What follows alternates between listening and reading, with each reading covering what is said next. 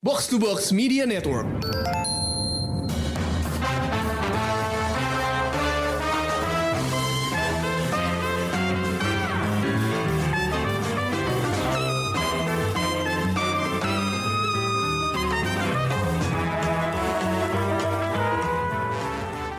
Halo pendengar Showbox, balik lagi dengan gue Amy. Dan hari ini gue sama Ulil abis jalan-jalan Kita abis nonton sebuah film yang agak menguras emosi ya. Eh, Filmnya itu adalah Miracle in Cell Number 7 Tapi sayangnya meskipun kita ajak si Krisna itu nggak bisa ikut tadi siang. Jadi pas abis ketemu sama Krisna dia tiba-tiba banyak pertanyaan aja gitu loh. Jadi gue buka forumnya kepada Krisna, lo mau nanya apa Kris? Sama gue sama Ulil yang abis nonton film sedih macam Miracle in Cell Number 7. Oke, gua sih sebenarnya gua udah nonton film versi aslinya yang Versi Korea. Korea, ya. 2000 berapa ya? 13, 13. 13. Udah lama banget kan. Ya. Gue cukup trauma sih. kayak ini jenis film yang gak akan gua tonton dua kali gitu. Jadi Betul. Kayak, kayak Gue gua agak terintimidasi juga untuk nonton yang versi remake ini. gue juga sebenarnya nggak ngerti ya kenapa gue tertarik nonton film ini padahal gue udah tahu ceritanya tuh sedih. Ya lu udah nonton juga kan? Iya, dan endingnya tragis. Mm-mm. Dan nggak akan bikin gue happy gitu loh nontonnya. Jadi agak aneh juga keputusan gue untuk menonton film ini itu semua berdasarkan dari ajakan Ulil sebenarnya. Jadi kemarin si Ulil tuh bilang, "E, aku masih mau ngejar nonton Miracle Cell Number 7, Kak. Terus gue yang kayak, mumpung ada temennya nih ya, gue ikutan nonton aja kali ya. Ya udah deh akhirnya gue nonton, terus udah tiket udah dibeli, ya masa gue mangkir kan nggak juga, gitu loh. Jadi ya sebenarnya ini keputusan yang gue sendiri agak pertanyakan dari diri gue. Oke. Ya kan ya mungkin gak semua pendengar kita udah nonton versi aslinya juga kali ya. Iya, Jadi betul, boleh lah betul. kali diceritain dulu sebenarnya tentang apa sih film ini dan kenapa judulnya itu bahasa Inggris ya? Miracle in Cell Number 7. Kalau judulnya pakai bahasa Inggris dan nggak diubah ke bahasa Sama kayak Indonesia, aslinya ya? Iya, sama kayak aslinya itu gue juga kurang paham ya. Tapi setahu gue judulnya ini emang kayak udah pakemnya aja gak sih? Kayak ini Hmm. film film Korea terkenal sebagai Miracle in Cell Number 7. Jadi biar gampang Secara promosi juga. secara oke lah ya. promosi akhirnya ditetapkan bahwa judulnya kayak gini aja. Gue nggak tahu Ulil sempet cari tahu nggak sih kenapa judulnya pakai bahasa Inggris? Hmm, kalau kayaknya ini juga udah revisi dari mungkin karena biar adaptasi juga kali ya. Kayaknya sih memang ini adaptasi dari Korea aja gitu ya sama kayak Emmy. Karena sebelumnya tuh dia judulnya 12 Wall 23 I. Kalau misalnya diartiin tuh dia artinya 23 Desember. Gitu. Kalau setahu gue tanggal tanggal Dua. itu adalah tanggal salah satu ulang tahun anaknya. Kalau di film Indonesianya jadi 7 Mei. Oh, oke. 7 Mei. Jadi itu tanggal yang sering disebut-sebut di film Iya. Indonesianya ya. Tapi kalau menurut gue nggak masalah sih judulnya bahasa Inggris sama bahasa Indonesia. Eh, Miracle in Cell Number 7 kita udah langsung tahu ceritanya tuh kayak apa. Yaitu ceritanya ada seorang penyandang disabilitas, Disabilitas. mental bernama Dodo Rozak yang diperankan oleh Vino G. Bastian. Dia itu dituduh membunuh dan memerkosa seorang anak kecil. Padahal niatnya nggak mau menyakiti gitu, tapi karena dia disabilitas. disabilitas, Disalahpahami. disalahpahami Disalahpahami. dan akhirnya dia dijadikan apa ya semacam kambing hitam politik karena korbannya ini bapaknya adalah seorang pemimpin partai. Oke. Jadi eh, ya isti- istilahnya dia korban doang sebenarnya dari nasib yang yang jelek aja sih kalau menurut gue. dan pas ditemuin faktanya tuh kayak mendukung banget gitu ya. Ya. Tertangkap Me- mendukung basah. kayak abis pelecehan anak kecil gitu. Jadi susah untuk dibuktikan bahwa dia itu tidak, Tidak bersalah, menya- menyakiti gitu. Tapi akhirnya dia dituduh dan dibuktikan bahwa dia memang menyakiti itu hanya karena suruhannya si politisi ini Iya. Jadi gitu. dipolitisir Dipaksa gitu lah ya. palsu. Ya, Iya. betul. Eh, mirip lah ya berarti nggak beda jauh sama yang aslinya ya. Iya ya, sehingga kalau gue Ditambah boleh elemen-elemen Indonesia aja kali ya. Ya kalau Ya. boleh gue inget-inget sih ya, yang di Korea itu villainnya lebih jahat lagi sih. Parah, karena iya, iya karena setuju. ada kepala polisi yang eh, terus tiba-tiba dia kasar Iya, aja iya, sama iya, si iya. orang Iya, iya, yang tuh. Ah. disabilitas mental ini. Tapi kalau di sini tuh nggak ada. Jadi bisa dibilang versi Indonesianya tuh lebih manusiawi, lebih Iya. di tone down gitu ya. tone Iya. down. Ya betul. Oke, terus ya kan kayak lu bilang sendiri tadi kayak film yang aslinya tuh lumayan bikin trauma. Mm-mm. Uli udah nonton juga kan? Nonton, Iya, nonton. Lu, lu ya inget Wah, kan? Wah parah beng- kan. bengep gue kayaknya sih habis nonton yang Korea. Terus apa yang bikin kalian akhirnya wah pengen nih lihat versi Indonesianya? Kalau gue jujur karena gue pengen melihat apakah memang adaptasi ini serial yang sesukses yang, di Yang Korea asli. gitu. Dan sayangnya gue taruh ekspektasinya emang udah terlalu tinggi aja gitu kan. Namanya juga adaptasi iya, ya. jadi ada beberapa yang eh, pas tadi nonton ja- jalur ceritanya diganti beberapa gitu. Jadi itu menurut lu kurang pas atau terlalu maksa gitu? ya oke lah Hmm. gitu. Terus apa ya dan juga melihat castnya juga kayaknya oke-oke gitu loh. Tora Sudiro, Om Indro, A-list Vino, lah ya. iya iya dan eh, abis nonton ini sih gue seneng banget karena gue melihat banyak aktor anak-anak jadinya Oh, iya, aktris anak-anak yang kayaknya udah lama banget nggak ngelihat anak kecil di Dan layar ya lebar. mereka? Iya dan ternyata oke sih actingnya. Penasaran gue untuk ngebandingin ya sih awalnya. Hmm. Emi Kalau gue jujur aja penasaran aja sih versi Indonesianya tuh Kayak apa? remake kayak di apa? remake Karena, seperti apa gitu? karena ya? kan eh, Miracle in Cell Number Seven tuh salah satu film legendaris Korea. Korea, yang pada saat gue baru belajar nonton film Korea, ini salah satu yang gue tonton. Dan waktu itu kesan gue adalah nih film Korea drama banget ya, kayak berat banget untuk gue Sedih ikutin. banget. kenalannya gitu ya. langsung yang kenalannya langsung, kayak yang gini gitu. gitu. Jadi gue bahkan nonton film ini sebelum gue kenal Bong Joon Ho gitu misalnya. Jadi gue kayak Ya 2013 ya. iya dan gue merasa kayak ini too much aja buat gue. Jadi gue pengen lihat apakah versi Indonesianya ini eh, bisa bikin gue seemosional itu apa enggak gitu. Dan apa namanya gue datang ke bioskop udah bawa tisu sih. Tadi Iya, begitu benar. gue ketemu sama Ulil gue bilang nih lihat Lil gue udah Gue bawa tisu. tisu. Oke. Satu kotak belum dibuka gitu biar masih full banget isinya gitu. Tapi ya memang seperti yang Ulil bilang tadi eh sebenarnya gue nggak pengen ngebandingin, tapi mau nggak mau dibandingin kan Iya, karena ini namanya juga adaptasi gitu ya. Dan setahu gue beberapa negara lain sudah mengadaptasi Mm-mm. eh, judul ini Judul juga gitu. Kalau menurut gue the original is still the best. Ya versi Koreanya ini tetap lebih kuat gitu. Meskipun di filmnya ternyata ada beberapa unsur yang bi- bikin kejutan buat gue gitu. Yang akhirnya bikin menurut gue film ini punya nilai plus tersendiri. Oke, gitu. dibanding aslinya. Ya, Iya. betul. Oke, sebelum sebelum kita nyampe ngebandinginnya nanti ya. Heeh. Oke. Itu disimpan aja lah yang Iya, belakangan. Oke, oke. Tanpa melihat eh, versi aslinya, Oke. first reaction kalian gimana pas setelah selesai keluar dari Gue dong. bioskop? gue reaksi pertama gue, kok gue bisa ketawa ya nonton film ini?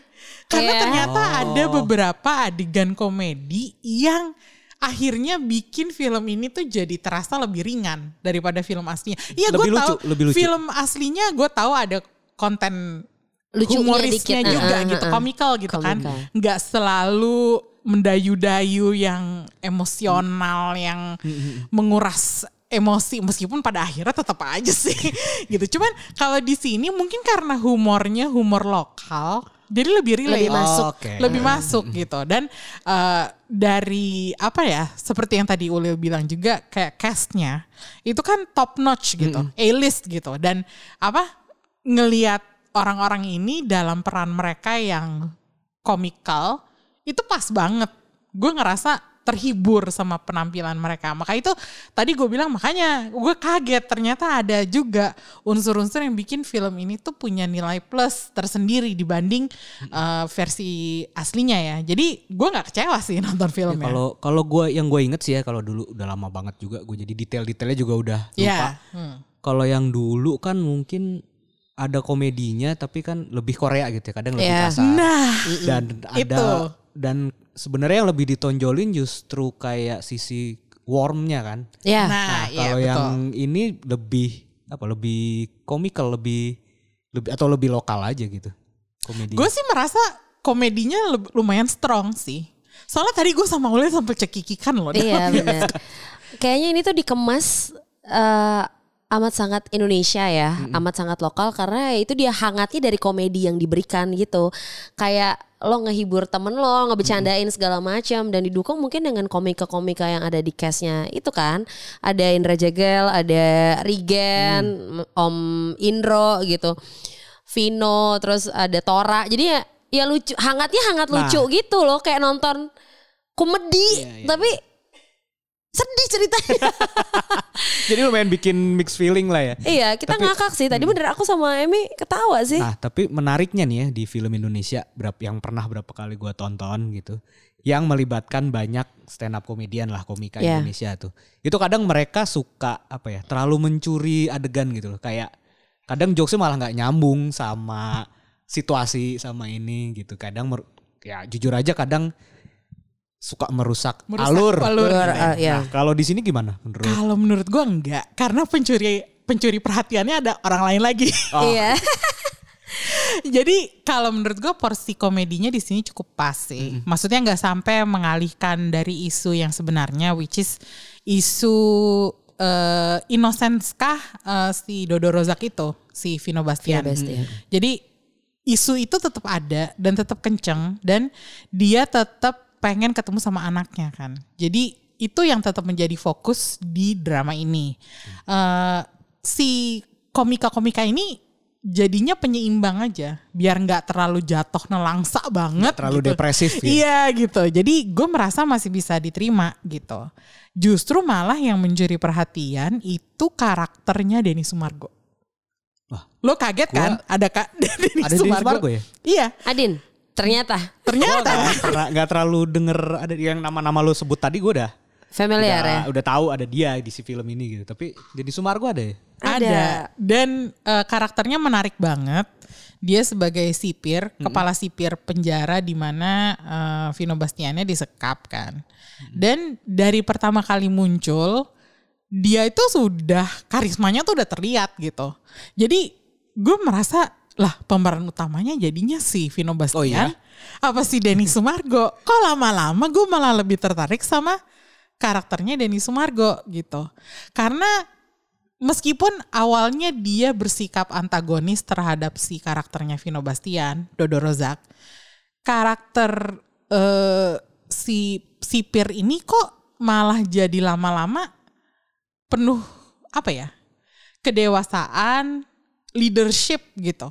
Dan jujur aja gue jadi merasa gue lebih bisa depending on him daripada karakternya si Dodo Rozak ini. Karena ya gimana gimana pun juga karakter penyandang men, apa disabilitas mental itu kan agak susah ya untuk diperankan. Kalau lo nggak over banget lo kurang banget. Kurang banget. kalau menurut gue eh, karakterisasinya si Dodo Rozak by Vino Bastian ini agak sedikit miss Hmm. gitu a bit too much Oke. gitu tapi jadinya efeknya adalah karakter pendukung yang diperankan oleh Denny Sumargo tuh malah bersinar buat gue makanya gue agak kaget sih bahwa ternyata nih Iya sih, ada juga Sumargo satu tertarik kedua ternyata dan mencuri- karakternya bagus banget Dicuri perhatiannya sama Denny Sumargo sih. Gak nyangka dia bisa cakep banget ya. Mantan pemain tim nasional bener basket. basket, badannya bagus, pakai seragam, terus dia bener-bener mendalami karakter dan emosinya gitu loh. Awalnya kan dia dingin banget, terus sampai akhirnya ada momen dia ditolongin sama si Dodo Rozak, terus akhirnya dia punya empati, dia cari tahu kasusnya, dibantu untuk naik banding, terus pada akhirnya dia mengasuh anaknya si Dodo ini gitu. Sampai anaknya sendiri tuh jadi manggil dia tuh papa kalau nggak Papa, salah. Jadi kelihatan banget di sini bahwa dia itu karakter yang apa ya, yang jadinya lebih heroik gitu dibanding si Dodo Rozak. Meskipun kita juga nggak bisa ngarepin Dodo Rozak tuh jadi heroik karena Emang ya, perannya Ada sekuat keterbatasan. Ya karena dia punya keterbatasan Batasan mental, mental. kan. Tapi memang si Denny Sumargo ini kok tiba-tiba jadi malah kuat Mencuri. banget Kuat gitu, banget, kuat banget iya. kesannya dan agak agak mengejutkan karena di promo film ini sama sekali nggak kedengeran nama disebut dia, dia, iya. gitu. Iya. Betul. Bahkan kalau kita lihat bioskop ke bioskop kayak apa promo film tur film gitu kayak dia jarang, Jarang banget ikut ya? ada. Iya. Iya. Apa dia sibuk di YouTube-nya ya? Pebasket sombong kali ya.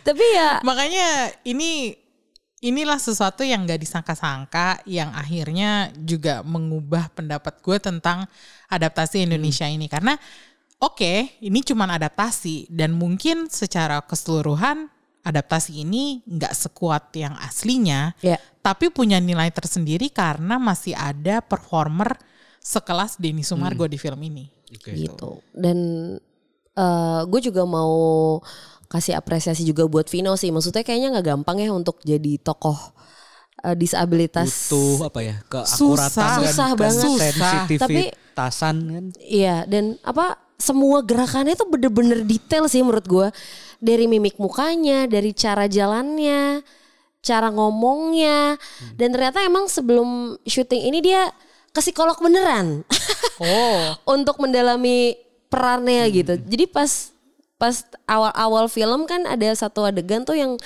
dia dia kan ceritanya jadi tukang balon gitu ya Krisna ya, tukang balon keliling. Dia berdua sama anaknya namanya Kartika.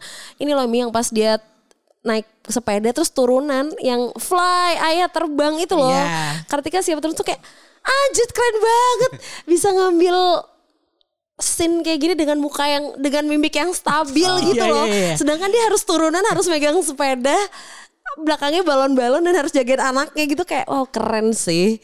Kalau gue mengapresiasi si Vinonya ini akhirnya di adegan-adegan di mana dia nggak terlalu menunjukkan eh, keterbatasannya. Jadi karena Ah. eh, misalnya dia lagi acting sebagai orang yang eh, terganggu eh, mentalitasnya itu agak too much seperti tadi gue bilang gitu kayak eh guanya jadi stres nontonnya Oke, gitu loh. iya, iya. Sementara pada saat misalnya contohnya ya, dia kan ditanyain sama anaknya Kartika. eh Pak ceritain tentang ibu dong, tentang istrinya si Dodo Rozak yaitu si Marsha Timothy. Ju- Juwita yang diperankan Juwita. oleh Marsha Timothy juga gitu. Sering ya mereka ketemu bareng di Iya betul. Jadi apa namanya? Gue ngelihat adegan itu tuh lumayan mewek sih karena ceritanya kok ya simple sebenarnya dia cerita gimana dia ketemu sama ibunya terus dia gimana akhirnya dia bisa punya anak dan ternyata terus ibunya yang seorang perawat itu habis itu sakit nggak bisa hidup lagi gitu dan itu tuh di bagian itu ekspresi muka dia itu menyedihkan banget. Jadinya gue lebih megang karakternya si Dodo Rozak pada saat dia kalem. Hmm.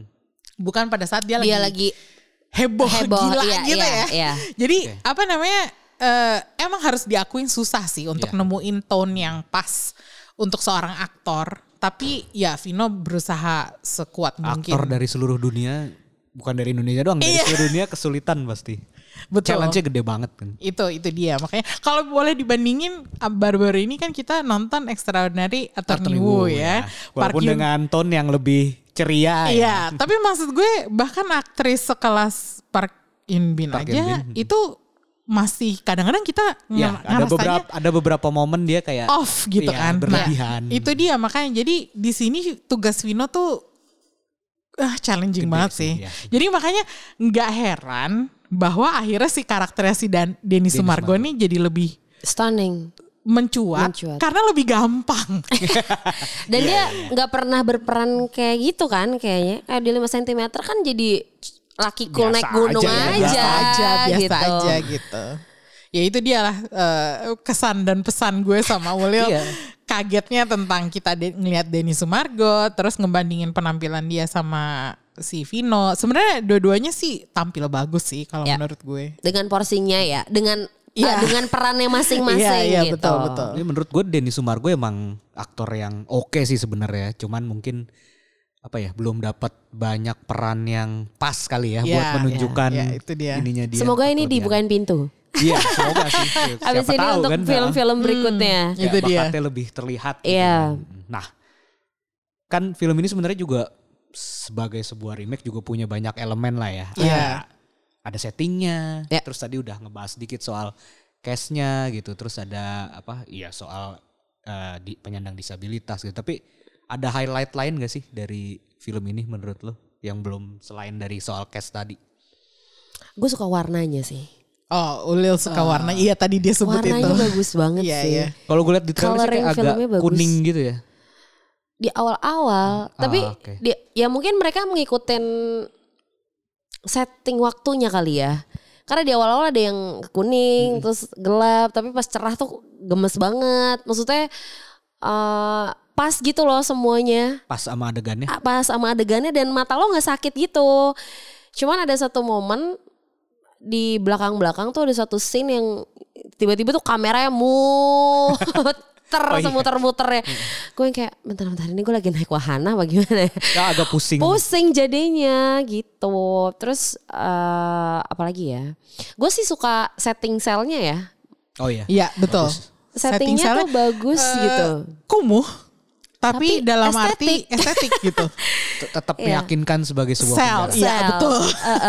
Kayak lo tahu itu penjara dan nggak dibuat-buat seperti kesannya lo berada di penginapan mahal. Iya. Gitu. Istilahnya ya penjara ya kayak gitu gitu. Detailnya dapat gitu kasurnya bahkan lo tau gak sih kasur kapuk yang warna merah dijual abang-abang puk Iya, iya, kapuk iya, iya. gitu Yang Iya, banyak iya. bangsatnya. ada tuh di situ yang bener ngemper ngemper apa ya tidur di lantai yang pakai kasur-kasur Palembang kasur Palembang Banyak bangsatnya tuh. banyak iya iya benar gitu Men- menandakan situasi sel yang kalau bareng-bareng toilet di situ makan Ah, di oke. situ gitu kan terus yang eh apa namanya tempelan-tempelan ya artis favorit lo Poster-poster gitu ya. iya iya iya dan apa ya ya sukses lah Mas Anung bikin setting sat ternyata ya dibuat satu studio untuk ngeset si sel itu ya oke sih menurut gue suka gue sama apa ya Set design. set desainnya dan emang ini emang set ya maksudnya bukan penjara beneran. Enggak di set sama dia.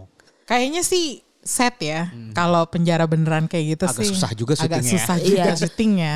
Ya eh, kalau dari gue sih yang menarik perhatian gue adalah kan nih sekarang nih lagi ada kasus juga nih kasus besar. Gue nggak perlu nyebutin Iya. kasus besar menyangkut polisi juga. Iya. Iya, iya. Dan lagi proses pengadilan kan. Nah. Nah ini di sini gue tuh agak ngerasa aduh miris banget ya. Kok gampang banget lo memvonis seseorang bersalah padahal lo nggak ngelihat buktinya dulu gitu. Yes. Jadi itu sesuatu yang kayaknya universal ya. Itu ceri- Parah, cerita iya. kayak gitu tuh di negara mana pun ada di Korea ada, di Amerika ada. Kebetulan di Indonesia lebih parah lagi. Iya itu dia. Makanya itu yang yang sebenarnya yang yang gue pengen tahu lebih banyak tuh sebenarnya proses hukumnya. Karena tak disebutkan eh, si Dodo Rozak eh, bisa mendapat gerasi, dia sebenarnya bisa dapat pengampunan. Iya. Tapi karena posisi yang menuduh dia itu lebih tinggi daripada dia dan lebih kuat daripada dia, akhirnya dia kalah juga gitu. Jadi istilahnya lo rakyat kecil Tetap tetap ketindas aja. ditindas gitu dan Bahkan dia dipaksa untuk lo udahlah lo ngalah aja lo lo ngaku salah dipaksa aja gitu ya. lah iya gitu. gitu. Wow, sungguh realita ya. Parah banget. makanya itu jadi sedih banget sih. Jadi bagian itunya tuh cukup memberatkan gue secara psikologis dan akhirnya jadi bahan pikiran juga ya. Karena Iya. meskipun sebenarnya Ulil yang yang Ulil bilang tadi adegan muter itu itu menarik karena itu sebenarnya adegan dicampur antara pengadilan sesi pengadilan terakhirnya Dodo Rozak untuk ngebersihin namanya. sama eh, pengadilan anaknya di masa depan ketika anaknya sudah menjadi pengacara Iya. dan berusaha membes- membersihkan nama bapaknya dan dua adegan itu dicampur. Kalau menurut gue efeknya jadi agak ngebingungin karena gue jadinya nggak tahu nih. Ini Lu mau sebenarnya ngomongin yang mana? Hmm, jadi lo mau fokusnya ke, Ke mana? pengadilan masa lalu apa masa yang sekarang? Jadi itunya gue sayangin banget Jadi kayak agak. gimmick gitu ya. Iya, jadinya kayak gimmick. Padahal sebenarnya isu yang dibahas tuh serius. Iya. Makanya gue eh, kalau bisa sih bagian itunya harusnya nggak digabung. Oke. Atau mungkin maksudnya dia mau mendramatisir kali ya Emi? Itu sih jelas banget ya. Tapi Kesannya tapi mau nggak harus gitu caranya Iya, ya. Harusnya ada cara lain yang bisa lebih rapih lah ya. Karena ya itu menjadi concern gue juga adalah ini kan film menyuarakan tentang Keadilan. Just. keadilan dan Iya. juga disabilitas mental gitu. Iya. Isu yang serius. Isu Isu serius, serius. gitu. Dan eh, gue nggak pengen ini dianggap jadi sebuah gimmick. Gue Iya. pengennya ini dianggap sebagai sebuah isu Hal yang serius. yang bisa ditanganin oleh pemerintah kita gitu. Ya. Cuman ya ya oke lah gue gua nggak muluk-muluk gitu. Cuman gue tadinya berharap isu ini di film ini ditreat dengan lebih rapih lah ya intinya gitu. Ya. Kayaknya eh, kalau dari aspek cerita itu, tapi kalau dari segi apa ya, segi technical, gue memang setuju bahwa di sini set desainnya oke banget sih.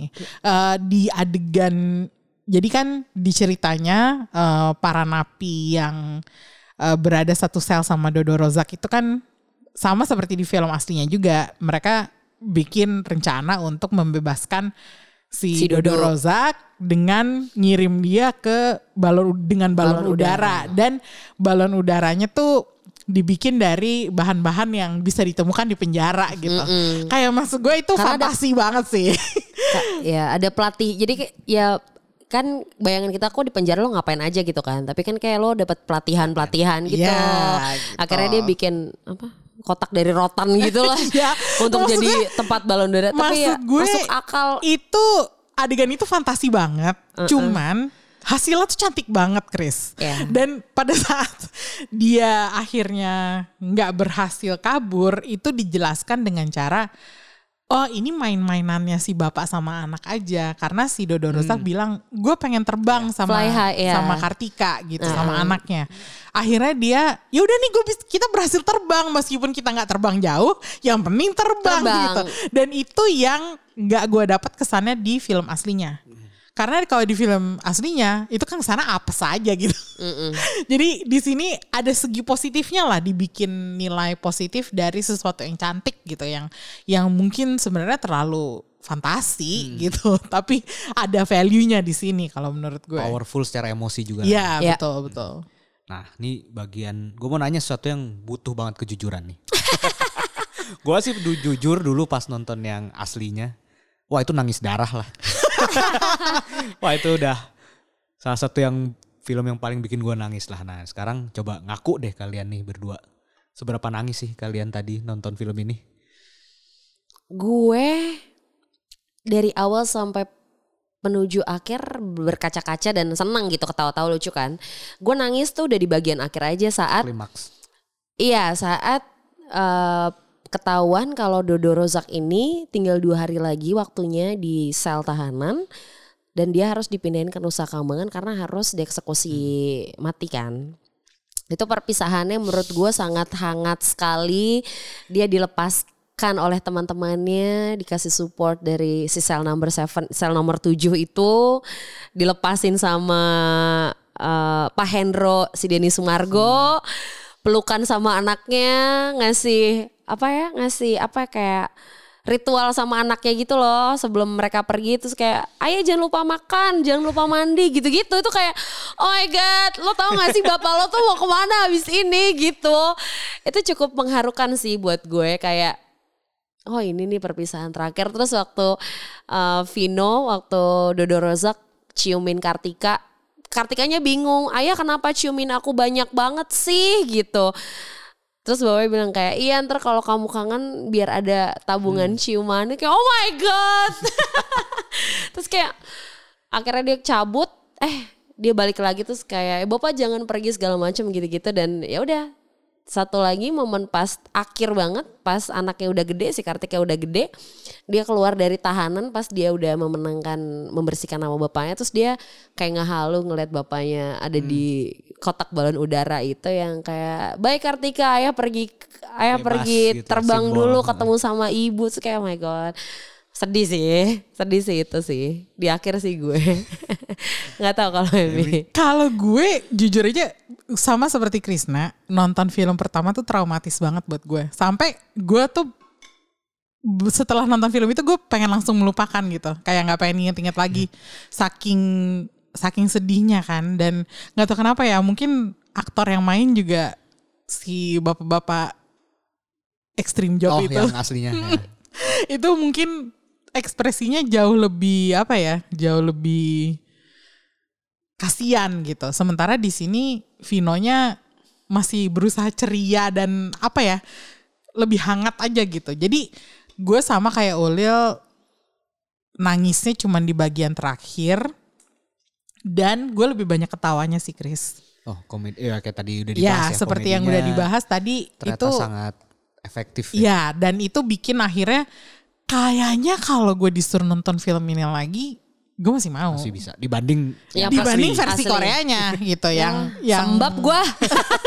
Sembab kelar-kelar nonton sembab. Iya, dan adegan-adegan yang tadi Ulil sebutin memang itulah adegan-adegan yang paling menguras air mata ya, karena eh, terutama tuh bagian perpisahannya si Dodo Dodo, sama Rozak sama temen-temennya, sama Kartika, sama Pak Hendro yang diperanin sama Denny Sumargo. Dan itu tuh semuanya tuh kayak sequence itu tuh memang wah udah sesenggukan banget sih. Cuman abis itu ya udah gitu loh, kayak akhirnya ya udah lega gitu. Iya. Mungkin karena itu perpisahan ya. Perpisahan dalam arti kayak setelah lo dari lo masuk sampai momen itu lo bersama-sama terus gitu.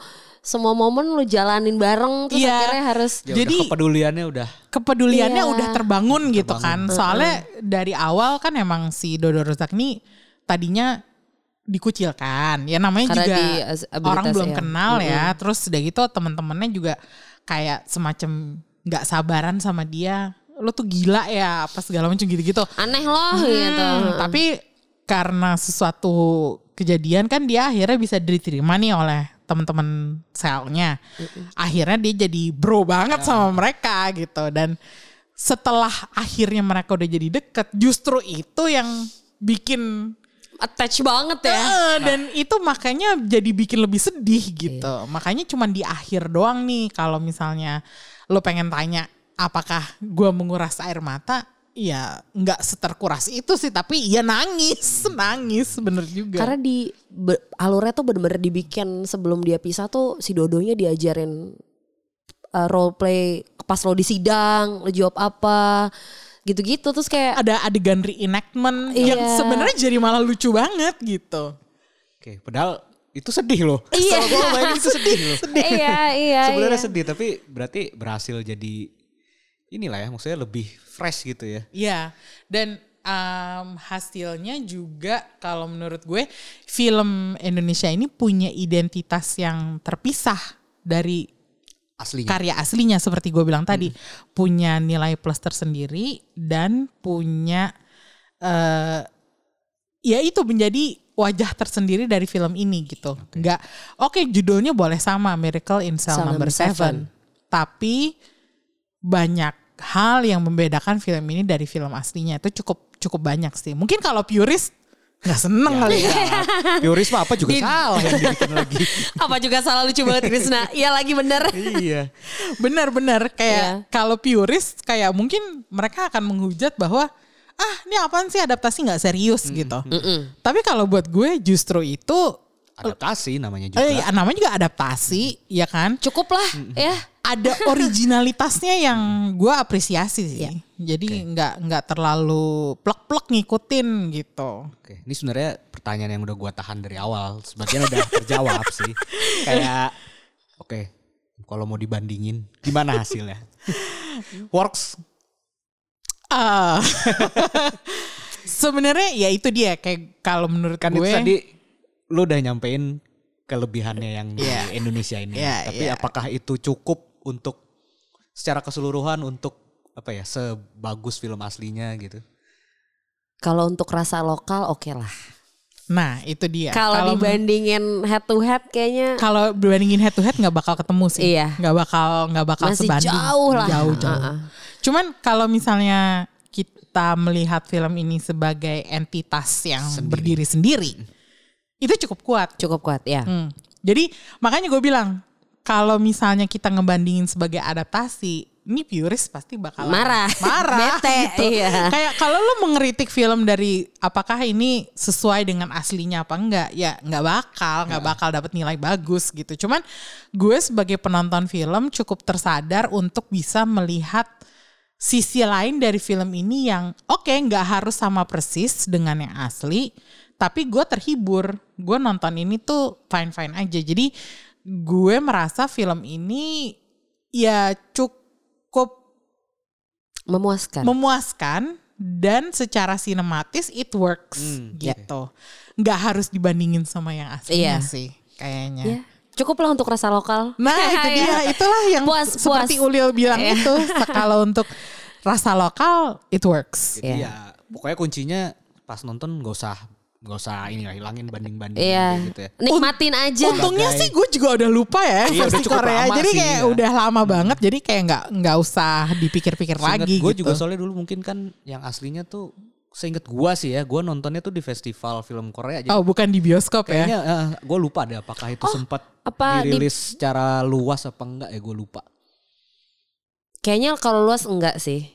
Iya. Soalnya gue juga Festival nggak. film masuk akal sih tapi Soalnya gue gua juga iya. nggak Iya. inget nonton di bioskop sih, Iya. karena gue nonton nggak di bioskop jujur aja. mm-mm, jadi jadi eh, agak diragukan apakah gue mendapatkan feel itu di bioskop yang pas nonton film pertama itu kayaknya enggak gitu, bukan di bioskop. Jadi yang perasaan yang sedih dan tertekan nonton film itu tuh gue nggak dapetin di bioskop itu yang gue inget jadi cuman itunya aja yang gue ingat makanya sampai sekarang gue lupain ceritanya dan akhirnya pada Lupain saat biar nonton trauma. versi Indonesia ini gue bisa menangkap filmnya dengan lebih segar gitu dengan freshness yang yang beda gitu loh Oke.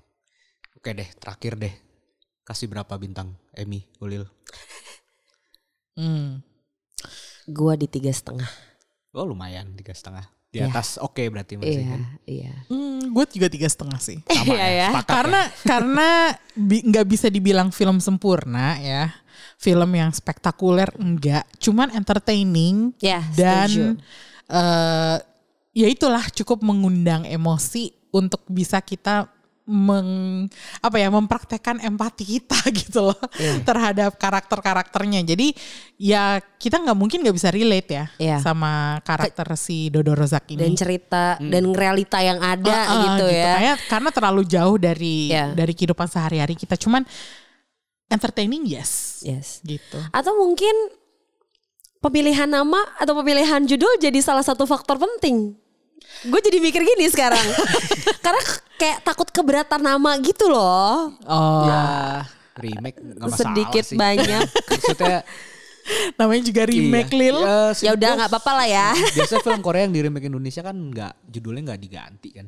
Iya Pakai- sih. Pakai judul yang sama. Tetap. Emangnya ada ya film Korea la- lain Aku yang di remake? judulnya ada yang si nenek-nenek jadi muda itu gue lupa judulnya apa ya? Oh, Phil 20 apa? Iya gue lupa Iya, judulnya yang- lagi. Iya ada, Iya, ada, Ah, ada. iya tahu oke Iya. ya inget-inget Iya. meskipun kita lupa judulnya sekarang Iya. maaf ya Eh, tapi gue inget sekarang ada remake film Korea lain kalau gue nggak nonton film itu tapi ya oke lah itu rasa lokal juga ya Iya. maksudnya nggak Di adjust di adjust untuk penonton Indonesia. Indonesia gitu. Jadi it works Oke. for Indonesian audiences. Ya. Kayaknya kalau misalnya kita mau ngebandingin sinema Korea sama sinema Indonesia bedanya ah, masih ada beda, masih ada jarak gitu. Cuman kita nggak bisa bilang sinema Indonesia tuh kalah Ya. karena toh seleranya selera lokal yang yang dibikin di sini gitu. Jadi gue sih nggak masalah ya dengan filmnya dan tiga setengah is a good It's score. good score ya. Setuju. Oke deh kalau Jadi gitu. silakan Jadi Yang silakan penasaran. ya kalau masih penasaran. Tapi kayaknya saat episode ini keluar, mungkin filmnya udah nggak ada lagi di bioskop. Eh, jadi tunggu aja di OTT kali ada.